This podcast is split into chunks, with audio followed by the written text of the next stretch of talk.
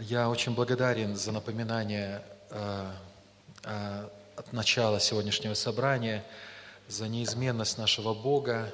Поэтому мы держим вот эту книгу э, с уверенностью. Мы, если у вас, кстати, есть хорошее какое-то решение начать год как-то по-свежему, по-новому, примите решение читать регулярно Писание. Э, Писание как плод неизменного Бога имеет ту же самую природу, имеет силу. Сейчас э, в каких-то светских религиозных кругах в последнее время в наших странах обсуждают разные вопросы, э, используя такое слово «томас». Очень много об этом говорят, очень много дискуссируют. Э, это по поводу признания тех или иных церквей, там, автокефальных или прочих – очень-очень много разных дискуссий, люди пытаются отыскать какие-то документы, которые там были сотни лет назад или где-то сейчас. Я вот в этом отношении подумал, а что для нас является нашей Томасом, что для нас является нашей верительной грамотой, которая позволяет нам действительно быть уверенными, что наша церковь, наша личная жизнь, она принята Богом. Я вам хочу сказать, это вот это наш Томас. А, это а, слово великого Бога, которая основана на великих обетованиях. Также и то, о чем мы сегодня говорили и участвовали, вечеря Господня, говорящая о самом главном, э, самой главной вести Писания, о Господе нашем Иисусе Христе. Это тоже наш как бы Томас, это наше основание, это краеугольный камень нашей веры. Это то, что дает нам уверенность в том, что мы приняты Богом, что мы являемся Его детьми, что спасение, которое Он совершил, оно для нас, и оно является вечным. И поэтому мы сегодня снова-снова утверждали самым главным. И будем это делать дальше. А, в Иерусалиме сегодня есть такая улица, которой не было там тысячи тогда лет назад. Виа Долороса называется, по латыни, с латыни переводится как «дорога жизни». И многие люди пытаются по ней пройти, когда приезжают в этот город, особенно накануне Пасхи просто тысячи-тысячи людей идут по этой дороге.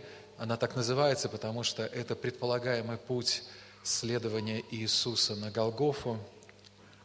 Но я хотел бы сказать, что посредством изучения Евангелий а, мы можем совершать вот подобное паломничество. И я бы хотел сказать, что даже приобрести намного большую пользу для своего сердца – двигаясь по страницам Евангелия, нежели по камням Иерусалима. Нет ничего более значимого для нашей веры, чем созерцание Христа, отдающего за нас свою жизнь. Это очень важно. Поэтому я как бы очень солидарен со словами той песни, которую мы пели. «Приходи почаще на Голгофу». Вот в такой простоте отражена наша евангельская вера. Это крайне важно для нас – Подумайте, если для мира крест – это безумие, либо камень преткновения, то для нас это наивысшая мудрость. Это камень краеугольный, камень нашего основания. И поэтому мы должны снова и снова приходить сюда. Именно благодаря кресту мы стали детьми Божьими. И благодаря кресту, о котором мы снова и снова помышляем, а, наша жизнь во Христе, наша духовная жизнь утверждается и развивается. Мы никогда не можем а, изменить основание, потому что нет иного основания, кроме положенного, и это есть Иисус Христос. Поэтому мы снова-снова должны как бы сверять компас нашей жизни, наше сердце, наше служение в церкви с тем, насколько все это соотносится с этим краеугольным камнем, с этой премудростью от Бога. Поэтому снова приглашаю вас на Голгофу. После последней вечери Иисуса с учениками, а, молитвы в Гефсимании, ареста и последовавших за ним шести судов, буквально шесть судов претерпел Иисус, мы последовали за Иисусом уже на Голгофу, как, словно как Симон Кириньянин, неся с ним его крест. И наш путь со Христом, вот именно в этих текстах, которые мы будем изучать Евангелие от Луки – достигает своей кульминации, самого главного. Мы достигаем этой вершины горы Голгофы, а, которая в то же время, хотя эта вершина, является самой низшей точкой унижения и смирения Христа, смирения Царя. Э, вы помните, что именно в этот день распятия вдруг день сменится тьмой. И вот подобные контрасты, они будут характерны тому, что происходило тогда там. Это место станет самым э, удивительным таким местом поразительных контрастов. Унижение и слава, смерть и жизнь, грех и благодать, ненависть и любовь, слабость и сила. Мы видим вот эти удивительные контрасты. И я предлагаю вас открыть ваши Библии. Э, Евангелие от Луки, 23 глава. Мы посмотрим на вот эти контрасты в этих текстах с 32 стиха по 39 включительно. «Вели с ним, то есть с Иисусом, на смерть и двух злодеев. И когда пришли на место, называемое Лобное, там распяли его и злодеев, одного по правую, а другого по левую сторону. Иисус же говорил, «Отче, прости им, ибо не знают, что делают». И делили одежды его, бросая жребий. И стоял народ и смотрел. Насмехались же вместе с ними и начальники, говоря, других спасал, пусть спасет себя самого, если он Христос, избранный Божий. Также и воины ругались над ним, подходя и поднося ему уксус, и говоря, «Если ты царь иудейский, спаси себя самого». И была над ним надпись, написанная словами греческими, римскими и еврейскими «Сей есть царь иудейский». Один из повешенных злодеев злословил его и говорил, «Если ты Христос, спаси себя и нас». Лет 20 назад я смотрел фильм, притчу с таким названием Догвиль. Это название населенного пункта – в котором жили самые обычные люди американской такой глуши. А, кроме того, заботой жителей были даже моральные какие-то усовершенствования. Они об этом очень много говорили. Но в один из дней а, в, этот, в этот местность Догвиль попала девушка с именем Грейс. Она убежала от гангстеров, это было начало прошлого века, а, такое известное название бандитов в то время. И она нашла пристанище в этом селении. Но она не только нашла благо для себя в этом новом месте, но и все жители этой небольшой деревни с каждым днем радовались ее появлению. Ее участие в жизни этой деревенской общины соответствовало ее имени Грейс, то есть благодать. Однако чуть позже стали происходить изменения в отношении жителей этой деревни э, к этой, к этой девушке, к этой беглянке. Это было связано с тем, что к ним попали в руки листовки, на которой была информация об этой девушке, которую ищут и предлагают за это большое вознаграждение. И увидев, что оказывается вот эта Грейс, которая живет среди них уже долгое время – а, должна им за свое молчание, они начали больше требовать от нее. А со временем даже злоупотреблять ее положением, ее добротой. Прошло еще совсем немного времени, и вот эта Грейс превратилась буквально а, в рабыню для всех порядочных жителей этой деревни. Кто-то требовал от нее много труда, кто-то денег, кто-то даже насиловал ее. Дети этой деревни постоянно смеялись над ней и издевались. И даже самые близкие друзья, которые поначалу были такими друзьями, сделали из нее такую прислужницу их интересов. И при том время от времени жители деревни, которые, помните, стремились к моральному совершенству, собирались вот на свои вечерние собрания, свои встречи, чтобы как-то коллективным образом оправдать друг перед другом свое отношение, грейс. И таким вот образом обыкновенные порядочные жители превратили в жестоких деспотов которые повесили на шее бедной девушки даже э, цепь с грузом, чтобы она не убежала от них.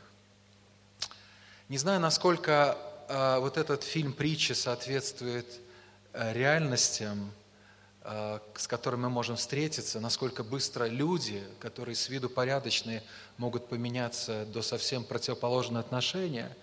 Но в отношении с Иисусом подобное точно произошло.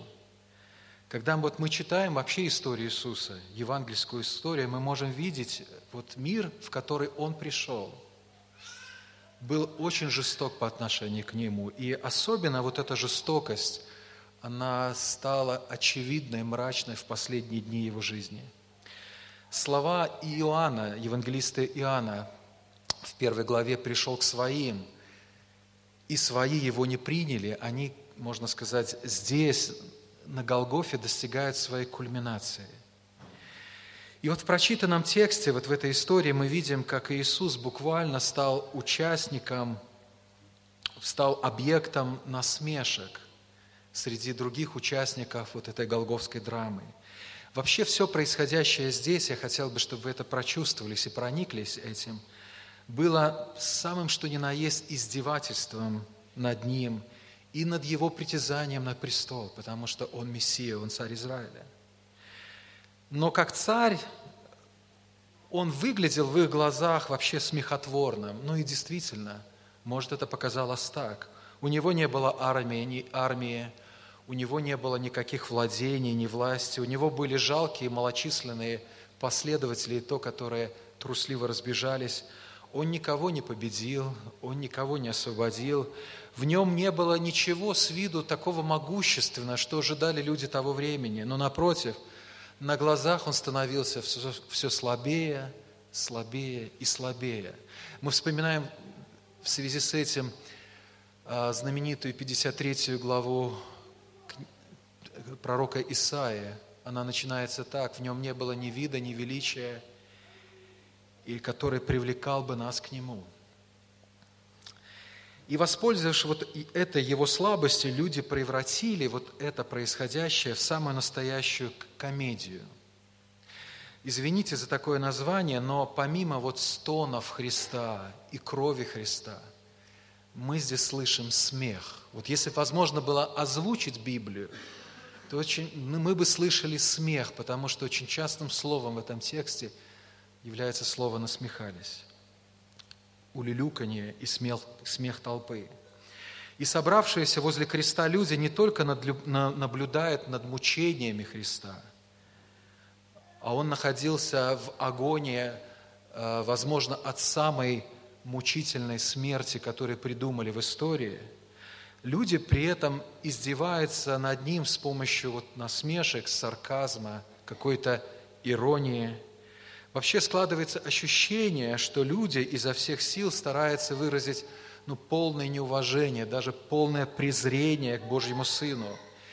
Вообще подобное можно будет наблюдать спустя годы, когда те же самые римские воины будут издеваться над теми, которые последуют за Иисусом, их называть будут христианами, в их колизеях, стадионах и театрах, устраивая – из расправы над ними настоящее шоу. Они были в этом мастерами. И на эти стадионы, в эти колизеи тоже собирались разные люди, и сброд, и порядочные люди. И для них это было общей забавой. Общей забавой. Всю толпу, глумящуюся над Божьим Сыном, можно представить в четырех группах. И я хотел бы, чтобы мы это посмотрели – на эти группы. Ну, во-первых, это злодеи, о которых мы читали, распятые по одну и по другую сторону. Во-вторых, это римские воины, солдаты, которые осуществляли эту казнь, палачи. В-третьих, это религиозные лидеры, начальники, которые были модераторами а, всего происходящего – и, наконец, это сами люди, толпа, и таких было много, которые наблюдали за этим кровавым зрелищем. И все эти четыре группы, несмотря на то, что они были очень разными, невероятно разными, По отношению к Иисусу они проявляли какое-то просто удивительное, мистическое сходство. Они буквально были по, все лишены Ему сочувствия, были бессердечные и были жестокие. И мы начнем с последних, указанных мною, но у Луки они стоят первыми в его списке. 35 стих, давайте снова прочитаем. «И стоял народ и смотрел, а, ограничусь пока этими словами. Вот когда все это происходило на Голгофе, Иисус был уже распят, народ стоял и смотрел. Они словно наблюдали, как в Колизее, за этим кровавым шоу. И на самом деле это было где-то так. Римляне, как мы знаем, э, имели толк Э, в этом деле. Они осуществляли смертные приговоры с максимальной эффективностью и прилюдно. Они избирали самые лучшие места для обозрения, и таким местом было избрано так называемое лобное место, то есть имевшее форму черепа, потому что череп по-гречески и звучит как Голгофа – а также они устраивали эффектные инсценированные шествия к месту казни. То есть все это происходило прилюдно, с максимальным эффектом. И таким образом римляне старались удерживать свои провинции многочисленные в страхе и подчинении. Смертная казнь должна была быть жестокой, позорной и оскорбительной. Но по какой-то вот странной, да я бы даже сказал, страшной иронии, иудеи, которые вот в этой толпе наблюдали за происходящим, не только не проявили сочувствия к своему, ну хотя бы просто соплеменнику, над которым издевались римляне. Ведь на самом деле вы не найдете во всех этих э, описаниях ни нотки сочувствия но даже они радовались всему происходящему. Смотрите снова на 35 стих, внимательно. «И стоял народ и смотрел дальше, насмехались же вместе с ними и начальники». То есть люди не просто смотрели, они насмехались. Они насмехались над всем происходящим. Вот это греческое слово, переведенное в русском как «насмехались», можно перевести как издевательски насмехались. Это был такой сарказм, это была грубость. Это самая жесткая, жестокая сцена, которую только можно вообще себе вообразить. Не знаю, по глупости или жестокости своих сердец, но они таким образом реагировали на то шоу, которое устроили его организаторы – римляне и религиозные лидеры. Это, была, это был их такой проект. А последние, то есть религиозные лидеры, настолько сильно хотели, чтобы Иисус был максимально унижен, что их устраивалась даже совместная сделка с римлянами. Они были захватчиками вообще-то. Вообще они мечтали об этом уже давно. Наступил этот час, когда они выразили всю свою сердечную ненависть по отношению к Иисусу. Он царь? Да это смешно. Посмотрите на, это, на этого царя. Где же его корона? Да вот же она, только почему-то она похожа на какой-то терновый куст, и все засмеялись. И почему вообще он голый? Где его царская одежда?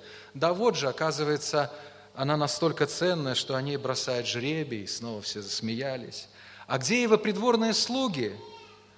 Нет ли разбойники по правую и по левую руку? А если он такой могучий, что может за три дня разрушить и восстановить храм, то почему бы ему не сойти с креста? Слабо, а? Не знаю, как, что они там говорили, но некоторые из этих слов мы прямо видим в этом тексте. Мы, конечно, могли бы ожидать жестокости от римских солдат, поскольку они были профессиональными палачами, и, к сожалению, они просто привыкли к этой кровавой работе. Мы могли бы даже ожидать подобной жестокости от начальников, религиозных лидеров, которые, к сожалению, были известны в то время своей черствостью, возлагая на людей, как по словам Иисуса, бремена неудобоносимые. Они ненавидели грешников, мытарей, всех тех людей, с которыми общался Иисус. Мы могли бы ожидать черствости от преступности, от преступников, которые были распяты рядом с Иисусом.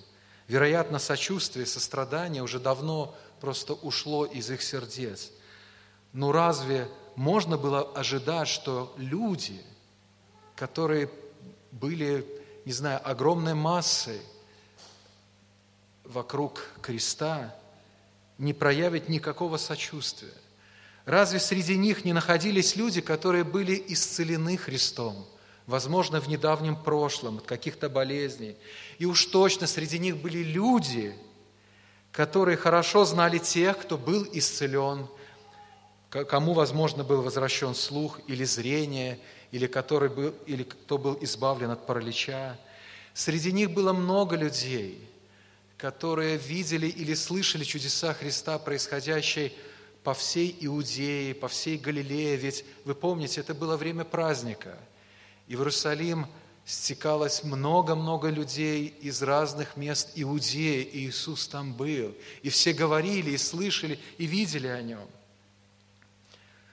Возможно, в толпе этой, насмехающихся над Христом, были люди, которых накормили среди других пяти тысяч человек. Вы помните, когда Иисус чудесным образом превратил, умножил вот эту пищу для них. И разве все эти люди не слышали учения Иисуса и не испытывали силу Его слов, мудрость, кротость и любовь, которые были в Нем самом и Его учении? Разве снова мы не, бы, не ожидали бы от них простого сочувствия? Но эта толпа была просто безжалостна просто безжалостно. Можно сказать, люди подхватили вот эту комедийную игру и ядовитый сарказм своих предводителей.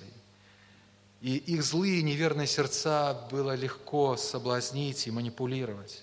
Итак, безжалостная толпа – это первая категория, первая группа людей, которая вот так безжалостно смотрела на все происходящее – Затем безжалостные правители, начальники, религиозные лидеры. Это вторая описана Лукой, Лукой группа а, наблюдателей за происходящим. В том же 35 стихе мы читаем, «Насмехались же вместе с ними, и начальники, говоря, других спасал, пусть, пусть спасет себя самого, если он Христос, избранный Божий». Они поистине были предводителями, модераторами всей этой кампании по уничтожению и унижению Божьего Сына.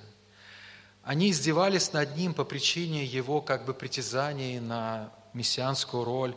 Они насмехались над Ним за то, что Он видел в себе Божьего избранника, как мы читаем в этих словах. Они обвиняют Его в богохульстве, но именно это они сейчас делают. Они хулят Бога.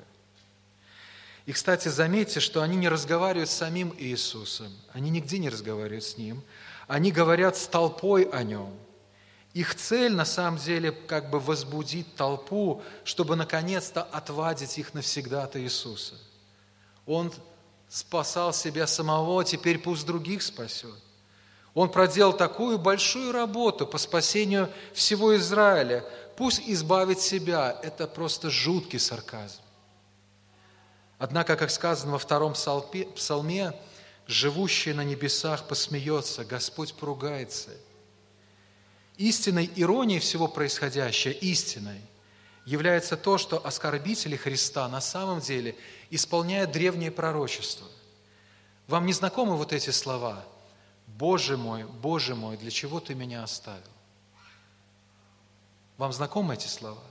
Вы помните, эти слова произносил Иисус, когда висел на кресте. Но на самом деле я прочитал второй стих 21 псалма, который был написан за сотни лет до этих происходящих событий. Это второй стих 21 псалма. А давайте посмотрим на восьмой стих из этого псалма.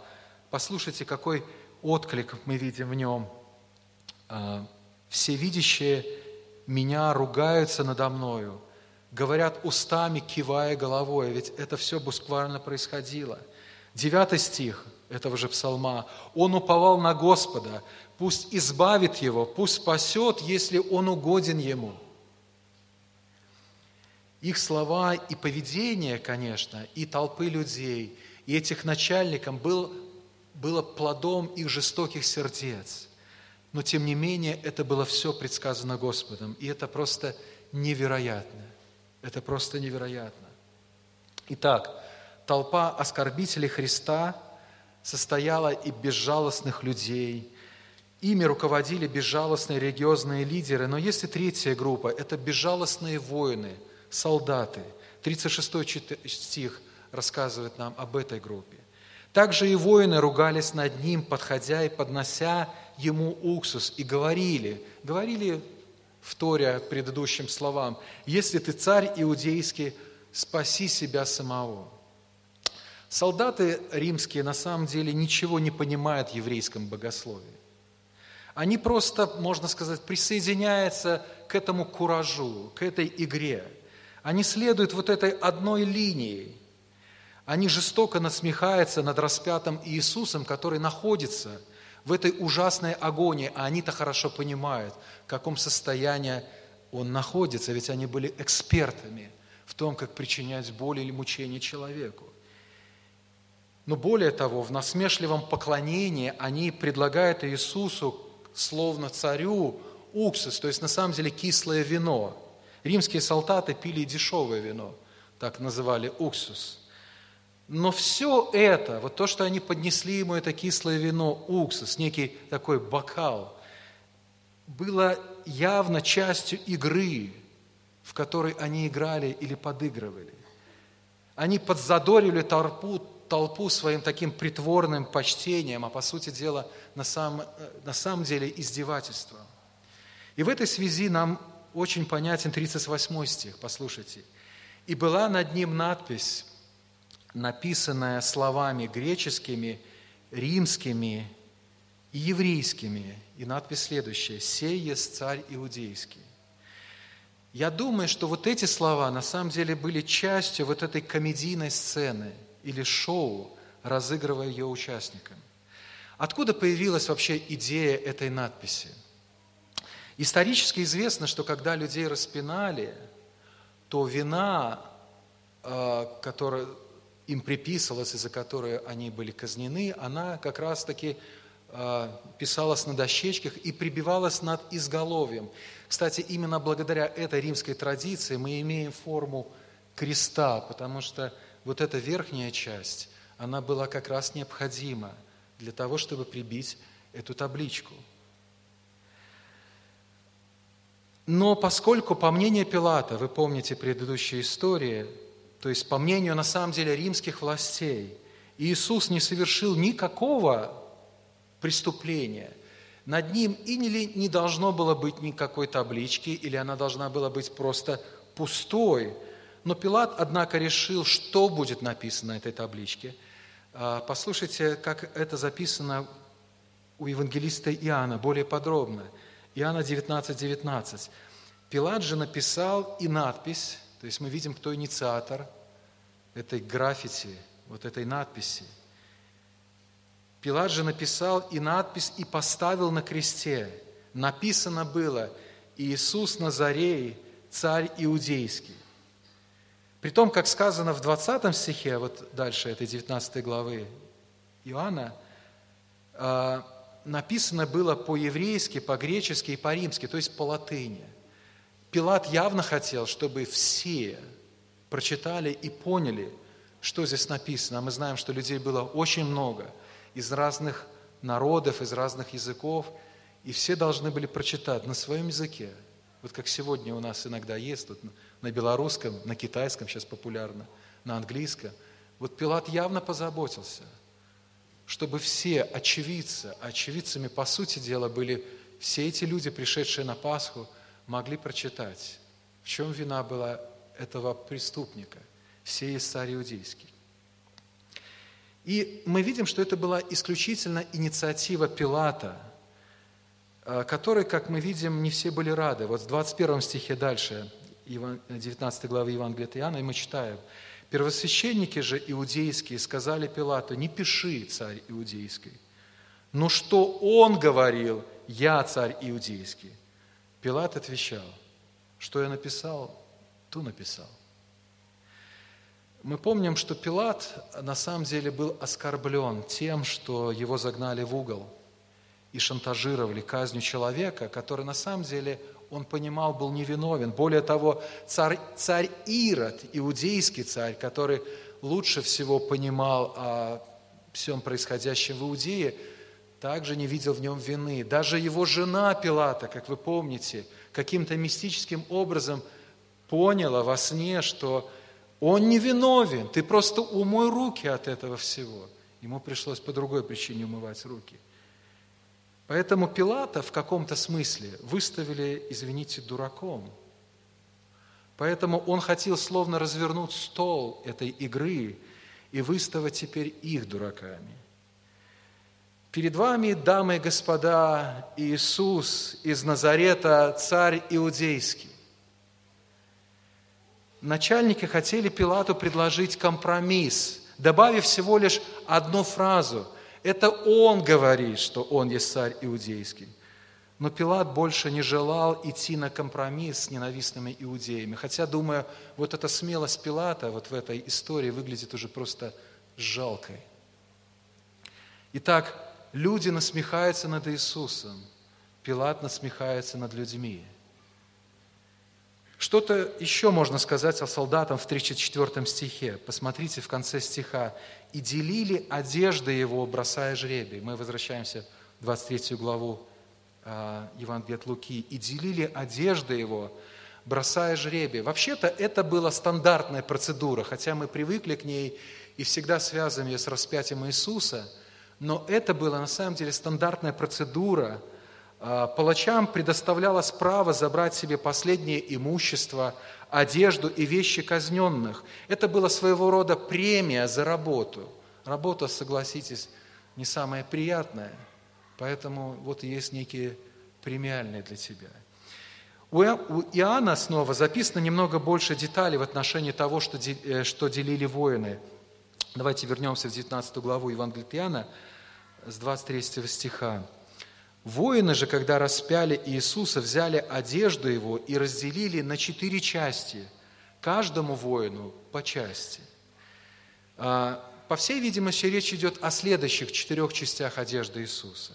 Это плащ, который был у всех, и которым, кстати, укутывались ночью, чтобы можно было спать на улице. Это сандалии, это головной убор и пояс. Вот очень простой гардероб в жизни Иисуса был, как, в принципе, любого другого человека – Исторически известно, что на распятие назначались четыре римских солдата. Это так называемый кватернион. В Деяниях 12.4 э, по-русски переведено как «четверица». Э, и вот эта расстрельная команда и разделила между собой вот эти четыре части одежды Иисуса. Но появился еще один элемент этой одежды. Посмотрите в 23 стихе. Э, мы смотрим то, что говорит нам Иоанн, и хитон. Они разделили хитон. Хитон же был э, не сшитый, а весь тканый сверху. И так сказали друг другу, не станем раздирать его, а бросим о ней жребий, чей будет. И почему нам стоит говорить обо всех этих странных деталях распятия, вплоть до одежды? И вот почему. Слушайте дальше, что написано. «Да сбудется реченное в Писании» разделили ризы, то есть одежды мои, между собою. И об одежде моей бросали жребий. Так поступили воины. Вот все это абсурдное, жестокое, богохульное действие, тем не менее, было руководимо Божьим планом, записанным в Писании, в том же 21-м псалме, за сотни и сотни лет до этих происходящих событий. Ну вот еще одна важная мысль, об, а, упоминание об одежде Иисуса. Послушайте внимательно, она может даже быть такой доктринальной мыслью. Одежда, которой он был лишен. Вы понимаете, что Иисус буквально на кресте был голый, имея только на набедренную повязку. Все это они делали, чтобы лишить его достоинства, если хоть какое-то достоинство еще осталось. Они стремились сделать Иисуса посмешище. И особенно в то время вот этот вид обнаженного человека, это было полное унижение и презрение. Но вы не можете э, не думать о ноготе Иисуса, не вспоминая о ноготе первого Адама. Именно когда Адам и Ева впали в грех, вы помните это? Бытие 3 глава. Именно тогда, когда они впали в грех, они сразу обнаружили свою наготу и тогда устудились. Вообще нагота в Библии символизирует э, нравственную вину. Это как бы символ стыда перед Богом. И как вы помните, увидев себя обнаженными, нагими, наши прародители безуспешно пытались прикрыть свою наготу. Они сделали покрывало для себя из смоковных листьев. И грешные люди, кстати, до сих пор пытаются из земных вещей сделать для себя укрытие некое, чтобы спрятать некую свою нравственную вину перед Богом и друг другом. Но Бог дал им лучшую одежду, мы вы помните, когда Он приходит туда, в третью главу Бытие, в этот Эдемский сад, Он дает им лучшую одежду, покрывающую их наготу, а по сути их вину и стыд перед Богом. Он дал им тогда кожаные одежды. Вы понимаете, что значит была принесена некая жертва, была принесена некая жертва.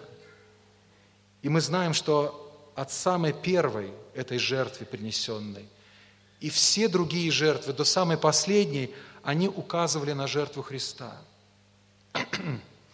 Поэтому, друзья, извините, здесь, на Голгофе, Иисус был обнажен вместо нас.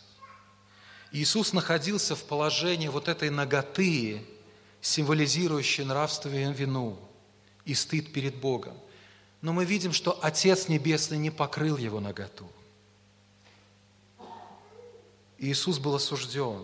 Он был проклят Богом в этой ноготе, которая была не его собственной на самом деле, а нашей, нашей ноготой. Нагота Иисуса на кресте – это символ нашей вины и нашего стыда, нравственного стыда перед Богом. Иисус будет судим Богом Отцом, который изольет на Него всю ярость своего гнева, но вот на эту неприкрытую наготу – и теперь Иисус, униженный и ногой на кресте, становится нашим покровом, Он становится нашим акцием. Это жертва, которого теперь покрывает нас. И Он стал, Он действительно обнищал ради нас. Полностью. Он был даже нагим ради нас, чтобы покрыть нас своей жертвой. Итак, это была третья категория, третья группа людей, насмехающихся над Христом. И теперь четвертое – это э, безжалостные преступники, злодеи, как мы читаем в синодальном тексте, которые были распяты с Ним по левую и по правую руку. Читаем э, 39 стих 23 главы Евангелия от Луки. «Один из повешенных злодеев злословил его и говорил, «Если ты Христос, спаси себя и нас». Если ты Христос, спаси себя и нас. Но если мы сравниваем то, что сказал нам Лука, с другими Евангелиями, то мы видим, что Лука рассказывает нам часть истории. Послушайте, как ее дополняют другие евангелисты. Прочитаем вот только у Матфея, Матфея 27, 44. «Также и разбойники, распятые с ним, поносили его». То же самое написано у Марка, что, оказывается, не только один, а двое поносили Христа – Лука здесь цитирует только одного разбойника, потому что у него есть какое-то уникальное продолжение истории одного из них, и об этом мы прочитаем дальше. Но сейчас важно сказать, что оба разбойника поначалу были вовлечены в это ужасное издевательство над Христом, над Божьим Сыном. Они, мы видим, произносили те же самые саркастические слова – что и религиозные лидеры, что и солдаты, что и вся толпа. Если ты Христос, спаси себя и нас. То есть мы видим, что все люди, абсолютно все, объединились в одном беспощадном порыве против Христа. И перед нами, друзья, здесь настоящий грех, это настоящее богохульство в его самой явной и ужасной форме. Перед нами грех в его истинном виде – Люди, можно сказать, с садистским удовлетворением издеваются над Богом во плоти, над своим Творцом, Царем и Мессией. Ничто из того, что может, могут сделать грешники, не может оскорбить больше Бога, чем то, что происходило здесь. Это высшая степень оскорбления Бога. Мы можем спросить, но не настало ли время Богу действовать? Разве мы не должны ожидать, что святой и праведный Бог отреагирует на это богохульство, излив, наконец-то, гнев и месть и ярость на тех, кто оскорбляет Его святость? Не должен ли истинный и святой Бог защитить свое имя и свое достоинство?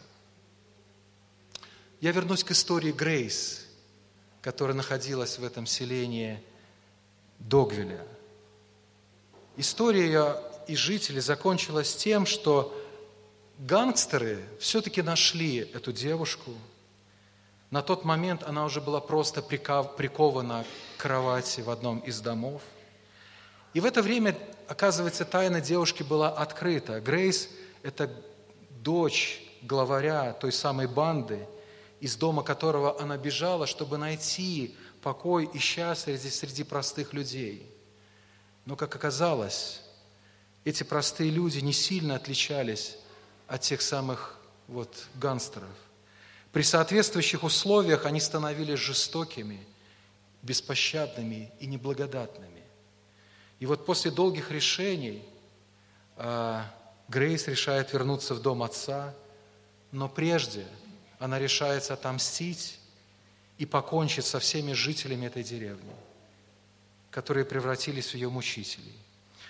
Жизнь Грейс, жизнь по благодати, как вывод этой всей притчи, этого фильма, этого и послания миру, невозможно в мире, в котором мы живем – невозможно.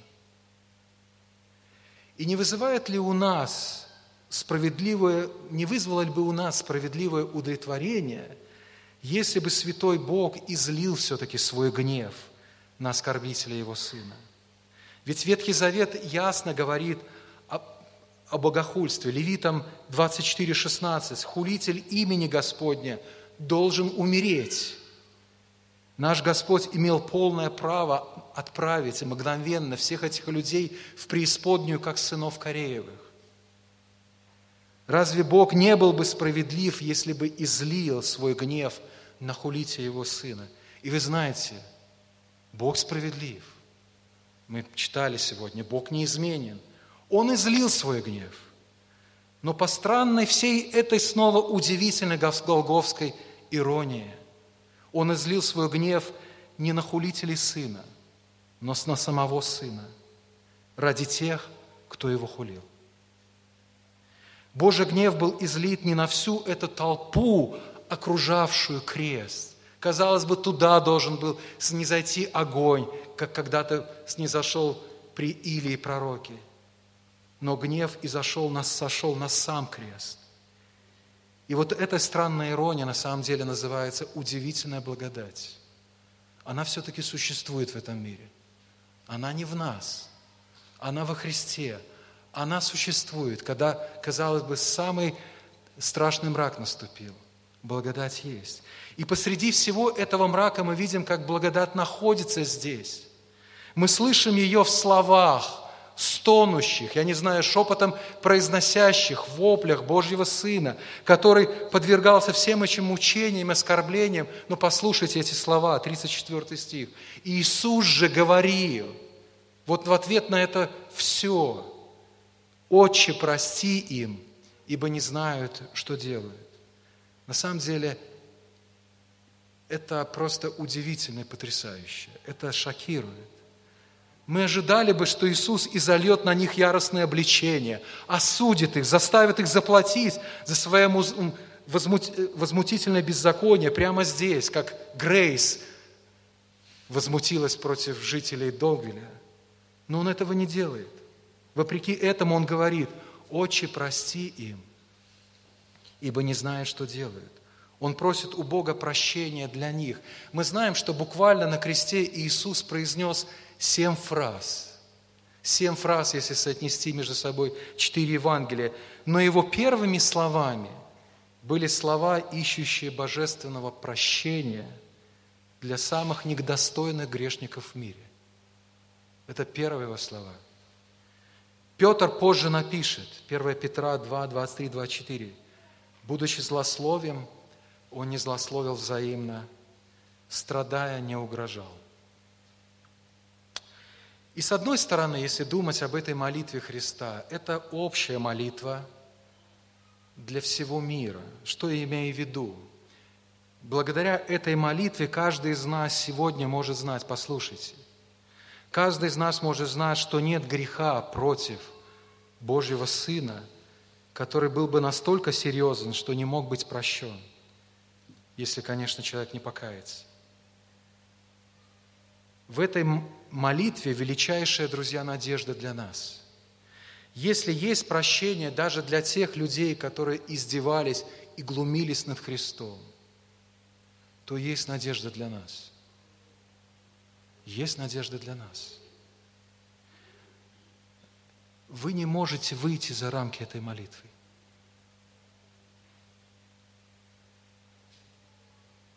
Ваши грехи не могут превысить Божью благодать.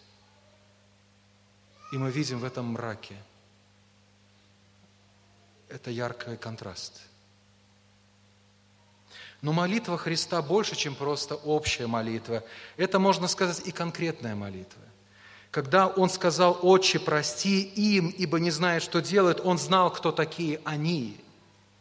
Поэтому, потому что в день Пятидесятницы три тысячи евреев – в Иерусалиме были опрощены ко Христу и крестились. И таким образом появилась первая церковь. В течение нескольких недель еще пять тысяч человек присоединилось к церкви, уверовали, крестились. Потом еще и еще. Это десятки тысяч людей, которые принимают веру во Христа. И должно быть, многие из этих уверовавших были в этой толпе. Были в этой толпе. Церковь родилась из этих людей, которые стояли у подножия Голгофы и хулили Божьего Сына. Издевались над Ним. Они стали первой церковью. Мало того, среди воинов был один сотник, который пришел к спасению. Луки 23, 47, посмотрите чуть дальше, мы еще будем изучать эти слова. Сотник же, видя происходявшее, прославил Бога и сказал, истина, этот человек был праведник. У Матфея написано, истина, этот человек был Сын Божий. Молитва Христа была услышана прямо сейчас. Люди некоторые образовали первую церковь. Римский центурион восхвалил истинного Бога. Молитва Христа, она действенна. Но также и некоторые из религиозных лидеров – участвовали в распятии Божьего Сына, стали ответом на его молитву. Давайте вспомним Деяние, 6 глава, 7 стих, там сказано так, «И Слово Божие росло, и число учеников весьма умножилось в Иерусалиме, и из священников очень многие покорились вере». Я думаю, многие из тех – которые здесь устраивали этот концерт, это шоу, теперь они покорились вере. Сила молитвы Христа. И еще один из двух разбойников, который сказал Иисусу со своего креста, 42 стих, мы снова посмотрим этот стих дальше. «Помяни меня, Господи, когда Ты придешь в Царствие Твое», услышал такой мгновенный ответ Христа – ныне будешь со мной в раю. Ныне будешь со мной в раю. Великая ирония Голгофы заключалась в том, что в то время, когда все вот это богохульное презрение людей было направлено на креста, Иисус на самом деле нес Божье проклятие гораздо хуже, чем люди могли возложить на Него потому что Он нес наше проклятие. Все наше проклятие.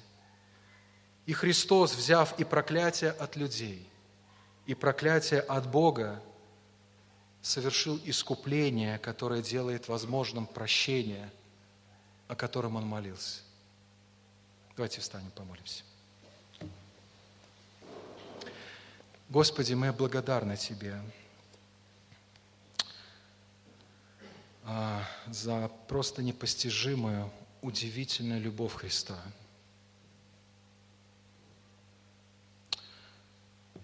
Находясь вот в этом мраке, а, в агонии не только физических мучений, но в презрении, в отвержении, в этих насмешках, в этом издевательстве всех людей, абсолютно всех, Он явил свою благодать. И мы так благодарны, что эта благодать велика и действенна. Церковь существует. Хулители обращаются ко Христу и становятся поклонниками Его. И мы благодарны, что эта молитва действенна была и для нас. Потому что наши грехи распинали Божьего Сына. Наши издевательства, наши насмешки, именно это то, то состояние нашего сердца, когда мы совершаем грех, были причиной распятия Христа. Но мы так благодарны за эту молитву. И это не просто слова, это слова, подтвержденные Его кровью, Его ломимым телом. Я молю Тебя, Господи, о том, чтобы мы все увидели себя находящими все вокруг креста, и все признали свою порочность, свою греховность, но в то же время возвысили Твою величайшую благодать, которая дана вот так обильно нам. Я молю Тебя, чтобы она производила, эта благодать в нас то, что производила – в разбойнике, в центурионе, толпе, в тех священниках, которые уверовали и которые изменили этот мир. Я прошу Тебя, пусть эта благодать продолжает свою удивительную работу в нашей жизни и через нас. Мы благодарим Тебя. Особенно сегодня, когда мы вспоминали страдания Иисуса, особенно благодарим Тебя за то, что Иисус сделал для нас. Аминь.